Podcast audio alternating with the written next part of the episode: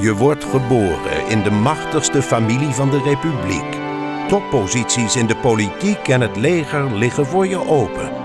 Je wordt ervoor klaargestoomd. Maar wat zijn je ambities en hoe ga je ze realiseren?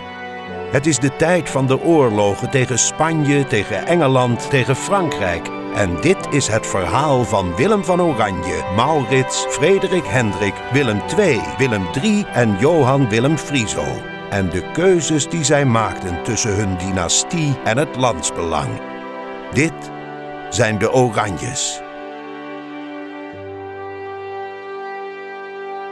Welkom in aflevering 10. Willem II. Bijna burgeroorlog. In de vorige aflevering zagen we Willem II geen vriend van de vrede, dat hij juist carrière wilde maken als militair. En dat de vrede van Münster hem eigenlijk slecht uitkwam. Straks bel ik met Geert Jansen. Hij is hoogleraar vroeg moderne geschiedenis aan de Universiteit van Amsterdam. Zijn expertise betreft juist de Nederlanden in deze periode. En hij kan ons meer vertellen over prins Willem II. Al twee jaar voordat de vrede werd gesloten, werden al manschappen afgedankt om de kosten van de oorlog te beperken. Willem was hier helemaal niet blij mee. Hij wilde juist ingrijpen in Engeland, waar zijn vader, de weinig populaire koning Charles I of Karel I, in een burgeroorlog notabene was onthoofd. Zijn zwagers waren gevlucht naar Frankrijk en hij wilde ze juist te hulp komen. Ook correspondeerde hij met adviseurs van de Franse koning om eens te kijken of hij mogelijk in staat was om de vrede te verbreken en opnieuw samen met Frankrijk oorlog te gaan voeren tegen Spanje. Holland, dat het meeste van alle gewesten aan het leger betaalde, wilde troepen kwijt. Aanvankelijk leken beide partijen er via onderhandelingen wel wat uit te komen. Begin 1649 bestond het leger uit 35.000 man en Holland, of liever gezegd Amsterdam, wilde dat aantal terugbrengen tot 26.000. Maar Holland trad nogal eigen gereid op, buiten de Staten-Generaal om. De kern van dat Hollandse verzet waren drie machtige regenten: Pauw, Bikker en de Graaf. Adriaan Pauw was raadpensionaris van Holland. Andries Bikker was bewindhebber van de West-Indische Compagnie en Cornelis de Graaf was stadsbestuurder. In de winter van 1649 was voor Willem de maat vol. Amsterdam moest maar eens tot de orde worden geroepen. Hij had de afgelopen jaren geprobeerd om allerlei machtige mensen met mooie baantjes aan zich te binden. Maar, nu het erop aankwam, leken ze hem niet echt langs politieke weg te steunen. De prins was hierover zwaar gefrustreerd. En hij besloot het als, militair over een andere boeg te gaan gooien. Uit het dagboek van de Friese stadhouder Willem Frederik. Er wordt gesproken om in Amsterdam het volk op te hitsen tegen Bikker en de zijnen, zodat Zijne Hoogheid de stad sneller meester zou worden. Zijne Hoogheid had mij gezegd dat hij van een Amsterdams predikant had vernomen dat het volk op zijn hand was. Zijne Hoogheid wil boekjes en schotschriften laten maken tegen degene die het land in gevaar brengen en aan Spanje uitleveren. Hij zal in Dieren de zaken overleggen en, als in maart of april 1650 de maan tussen Saturnus en Mars instaat, betekent het dat er een verandering van de regering komt. Op eerste Pinksterdag 1650 verscheen Willem onverwacht in de Staten-Generaal en wist een resolutie door te drukken waarin Holland werd veroordeeld vanwege de vermindering van het leger. Daarna trok Willem met de commissie waarvan hij zichzelf tot hoofd had benoemd, langs de Hollandse steden om voor een groter leger te pleiten. Maar veel steden weigerden, zo ook Amsterdam. Dat men in Amsterdam niet wilde buigen, kwam hem juist uitstekend uit, want nu kon hij gewapend met die resolutie ingrijpen. Op 30 juli ging hij in de aanval. Hij liet in Den Haag zes vooraanstaande leden van de Staten van Holland bij zich ontbieden en, toen zij verschenen, prompt arresteren. Onder hen was de Dordtse burgemeester Jacob de Wit, de vader van Johan en Cornelis de Wit. Zij werden vastgehouden op slot Loevestein, net als vroeger Hugo de Groot.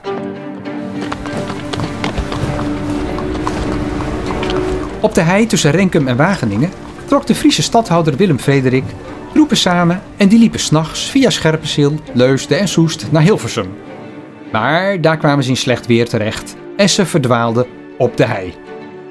Een postbode uit Hamburg op weg naar Amsterdam trof de manschappen aan. Hij waarschuwde Bikker. Ook een andere Bikker, die drost was in Muiden, deed dat ook. En er arriveerden gevluchte boeren in de stad. En Gerard Bikker reageerde prompt. De Amsterdammers namen waardgelders aan, dus eigen troepen, om hun schutterijen mee te gaan versterken. Dit leek op de tijd van Oldenbarneveld en Hugo de Groot. Ook staken ze op plekken dijken door, waardoor delen van het land onder water kwam te staan. Zo voorkwamen ze dat Amsterdam werd overvallen. Nu een bestorming onmogelijk was geworden, sloegen ze hun legerkamp op voor de stad en stel je voor dat enkele andere Hollandse steden Amsterdam te hulp waren geschoten. Dan was er een burgeroorlog uitgebroken. Prins Willem II kwam persoonlijk over uit Den Haag en hij legerde zich bij zijn troepen in Amstelveen samen met de soldaten van Willem Frederik. Prins Willem in zijn journaal. Smiddags vroegen gedeputeerden van de Staten-Generaal mij vriendelijk of ik naar Den Haag terug wilde gaan en dat uit de stad gezanten waren gekomen om met hen te overleggen. Ik antwoordde dat ik zou wachten totdat de Amsterdamse gezanten de overeenkomst die ik hun toonde zouden goedkeuren. Dit gebeurde tegen de avond, toen ik deze eveneens ondertekende. Daarna gaf ik de troepen bevel dat ieder naar zijn garnizoen zou gaan, wat onder toezicht van graaf Willem Frederik gebeurde. Andries Bikker werd uit de vroedschap gezet en zijn broer Cornelis uit het ambt van burgemeester. Die overwinning voor Willem zou echter tijdelijk blijken. Toen hij in de herfst van 1650 een nieuwe oorlog met Spanje bepleitte, verzette Holland zich als vanouds. Dus die oorlog kwam er niet. Later gaf Willem Frederik in zijn dagboek toe dat hun aanval, citaat, heel onnozel en slecht was geweest. Tijd om Geert Jansen te bellen. Hallo Geert, met Ronald. Dag, hallo. E- Even wat, wat vragen aan jou. Jij eh, bent gepromoveerd, juist ook op deze periode, na Frederik Hendrik en voor Willem III. Tijdens die bestandstwisten, dan botsten Onder Barneveld en de Groot nogal erg op Maurits en de zijnen. Nu zie je bij Willem II dat Holland en vooral Amsterdam dwars ligt. Zou je dan bijvoorbeeld de conclusie kunnen trekken dat Holland altijd ja, tegen Oranje is gekant, of niet? Nee, dat lijkt misschien op het eerste gezicht zo. Maar die Hollandse steden en de stadhouder werkten over het algemeen eigenlijk vrij goed samen. Het ging mis wanneer een deel van die steden andere belangen had dan de stadhouder. En dat was in 1618 zo en in 1650 ook. Jij gaat uitvoerig in op het cliëntelensysteem. Hè? En jij schrijft ook van ja, Willem II die deed zijn uiterste best om maar vrienden te maken. Ook in Amsterdam. Hij had dus wel door dat hij dat blijkbaar moest doen voor zijn toekomst. Maar je zegt hij had helemaal geen succes. Hoe verklaar je dat? Ligt dat aan zijn karakter? Of heeft hij hier te maken met de erfenis of zo van Frederik Hendrik en Amalia?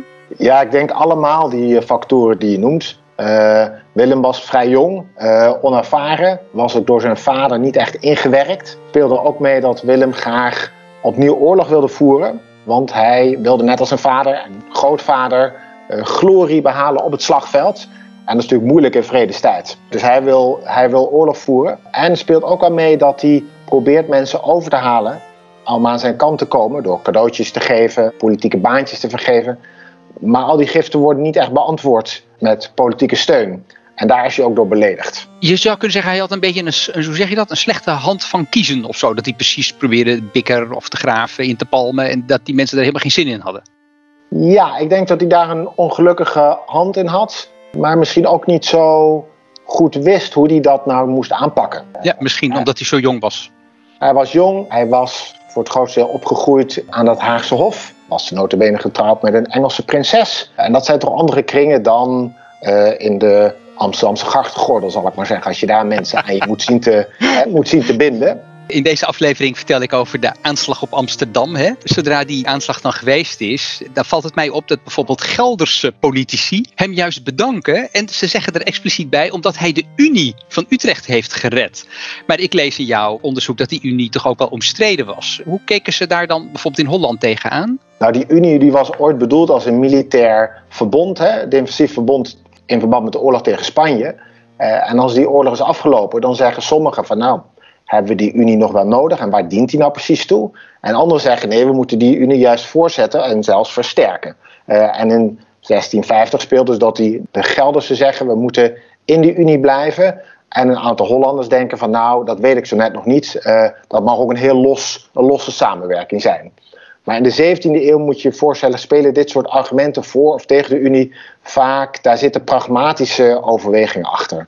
Als je de Unie kunt gebruiken, dan zeg je dat je heel erg voor de Unie bent. En als die een keer niet goed van pas komt, dan beredeneer je uh, dat die Unie eigenlijk alleen een militair bondgenootschap is en voor de rest niet zoveel voorstelt. Ja, ja, ja. Kun je zeggen, de Republiek kon inmiddels ook wel zonder de Unie in 1650, als ik jou zo hoor? Nee, dat denk ik niet. Want de, de Republiek en de Unie zijn eigenlijk één en hetzelfde. Hè? De Republiek is, is geboren uit een oorlog. En de Unie is eigenlijk die Unie van Utrecht, het militair bondgenootschap. Wat moeilijk is voor de Republiek is nadenken hoe zij in vredestijd moeten functioneren. Want daar heeft nooit iemand echt over nagedacht. En dat was tijdens de bestandstwisten een probleem. En na 1648, Vrede van Münster, wordt dat opnieuw een probleem. Ik begrijp, jij zit ook goed eh, bijvoorbeeld in de geschiedenis van de migratie, zal ik maar zeggen, de emigratie. Had dat bijvoorbeeld nog gevolgen bijvoorbeeld voor de kerk? Want ja, die kerk was natuurlijk ook een issue hè, in 1617, 1618.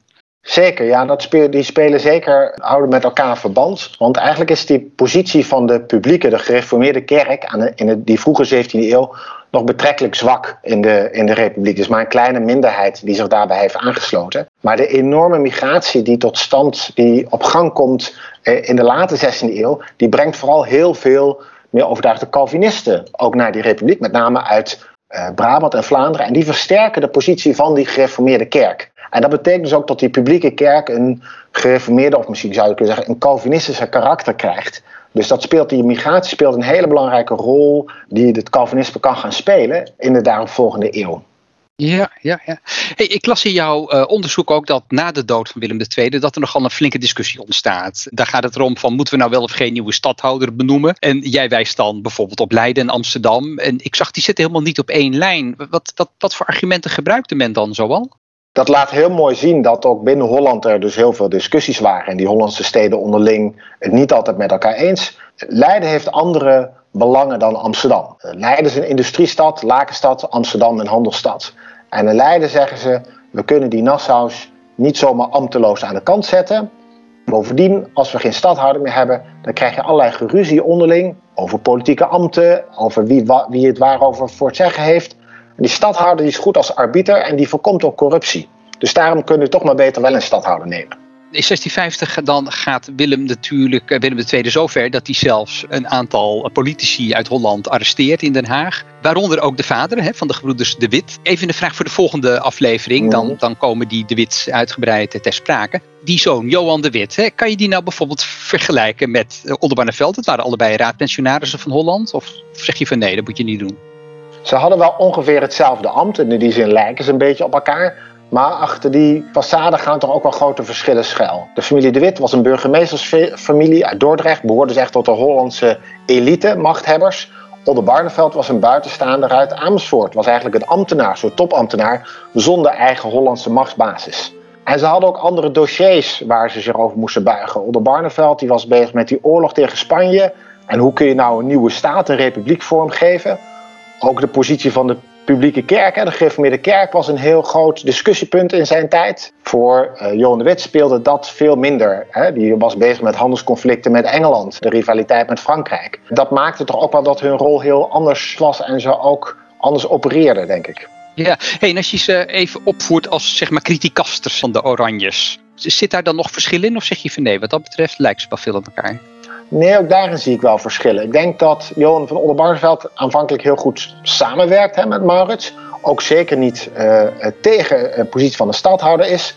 Daar is het echt een persoonlijk conflict dat ze uiteindelijk uit elkaar doet groeien. Uh, Johan de Wit is veel sceptischer over de Oranjes. En ook over de positie, een fundamentele kwestie over moeten wij wel een stadhouder hebben en moet dat altijd een Oranje zijn. Dus die is meer daar ook ideologisch staat hij, zal ik maar zeggen, wat verder van die Oranjes af. En daar is bij Oldenbarneveld veel minder sprake van. Hoe ziet de Wit dat dan voor zich, even in theorie, een republiek zonder Oranjes?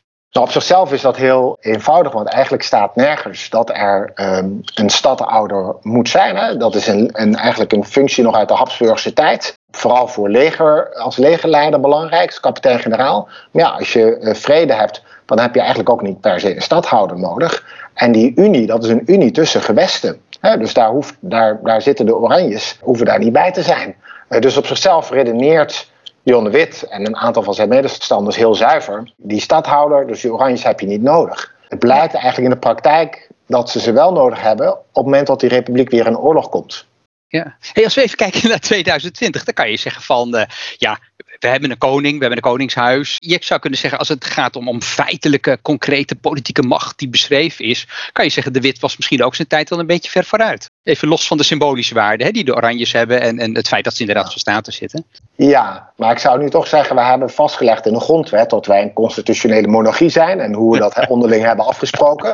Ja. Uh, en de, zal ik maar zeggen, de grondwet tussen aanleiding van de Republiek, de Unie van Utrecht, daar, daar kwam het hele woord stadhouder en oranje niet in voor. dus dat was toch wel een andere, andere positie. Ik denk dus ook dat de wit dus meer, laat ik maar even zeggen, gelijk eh, aan zijn kant had. Dan mensen nu zeggen, je zou het ook zonder koningshuis kunnen. Dat kan natuurlijk, maar dan moet je de grondwet veranderen. Uh, Jon de Wit hoefde niets te veranderen om, om een stadhouderloos tijdperk te hebben.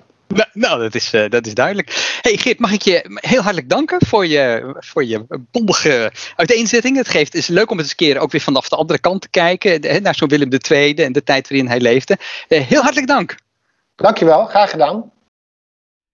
In de oostelijke gewesten van de Republiek oogste de prins juist veel lof voor zijn actie. Want hij had, zo meenden ze, de Unie van Utrecht gered. Willem II was op zijn beurt een fan van Gelderland. Anders dan zijn vader bezocht hij ieder jaar de landdag, een soort statenvergadering. Ver van dat vermalen Dijde Holland vandaan zocht hij hier zijn ontspanning. Maar daaraan hing een prijskaartje. Hij wilde een hoog eigen jaargeld. Uit het dagboek van Willem Frederik. Zomerdijk vertelde dat zijn hoogheid ruzie had met haar hoogheid over zijn schulden en dat zij hem altijd met monsieur aansprak. Hare hoogheid zei dat haar huis geruineerd zou raken. Zijne hoogheid zei dat hij voor zijn eigen plezier altijd 200.000 gulden wilde hebben. Enkele dagen na die ruzie met zijn moeder kocht hij voor 100.000 gulden het landgoed Dieren, waar 12 paarden en 60 jachthonden moesten komen. Zo kostte jacht hem 20.000 gulden per jaar. Willem liet bij Dieren waterlopen vergraven om vijvers en waterpartijen aan te kunnen leggen hij bouwde in de nabijheid van het huis een overdekte kaatsbaan. In de onzalige bossen, bij de stegen en Ellekom, liet hij een wildpark aanleggen. Dat maar liefst zeven bossen omvatte en 1200 hectare groot was. Het was omsloten door een manshoge omheining van 18 kilometer lang. Hij kocht rijke boeren uit en vanuit kasteel Honselaarsdijk in het Westland liet hij in een groot transport 300 stuks grof wild naar dieren overbrengen om zijn wildbaan mee te bezetten. Eind 1650 was het plan gereed. In Dieren was het weer net als vroeger in het staatse leger. Dolle pret. Willem Frederik op bezoek. In zijn dagboek. Zijn hoogheid vertelde mij van mevrouw Borneval en de stal. Tweemaal, driemaal. En van Lotte en Willemine en dat hij een keer iemand met de koets naar Honselsdijk ontvoerd wilde hebben, maar dat dit mislukte. Hij had veel liefdesbrieven in een gouden doos bewaard, die de prinses royaal bijna had gevonden, omdat hij de sleutel in zijn schrijfdoos had laten zitten. Het lijkt erop dat de rust in de republiek was weergekeerd. Maar schijn bedriegt. We gaan het zien in Willem III, tot stadhouderloosheid veroordeeld.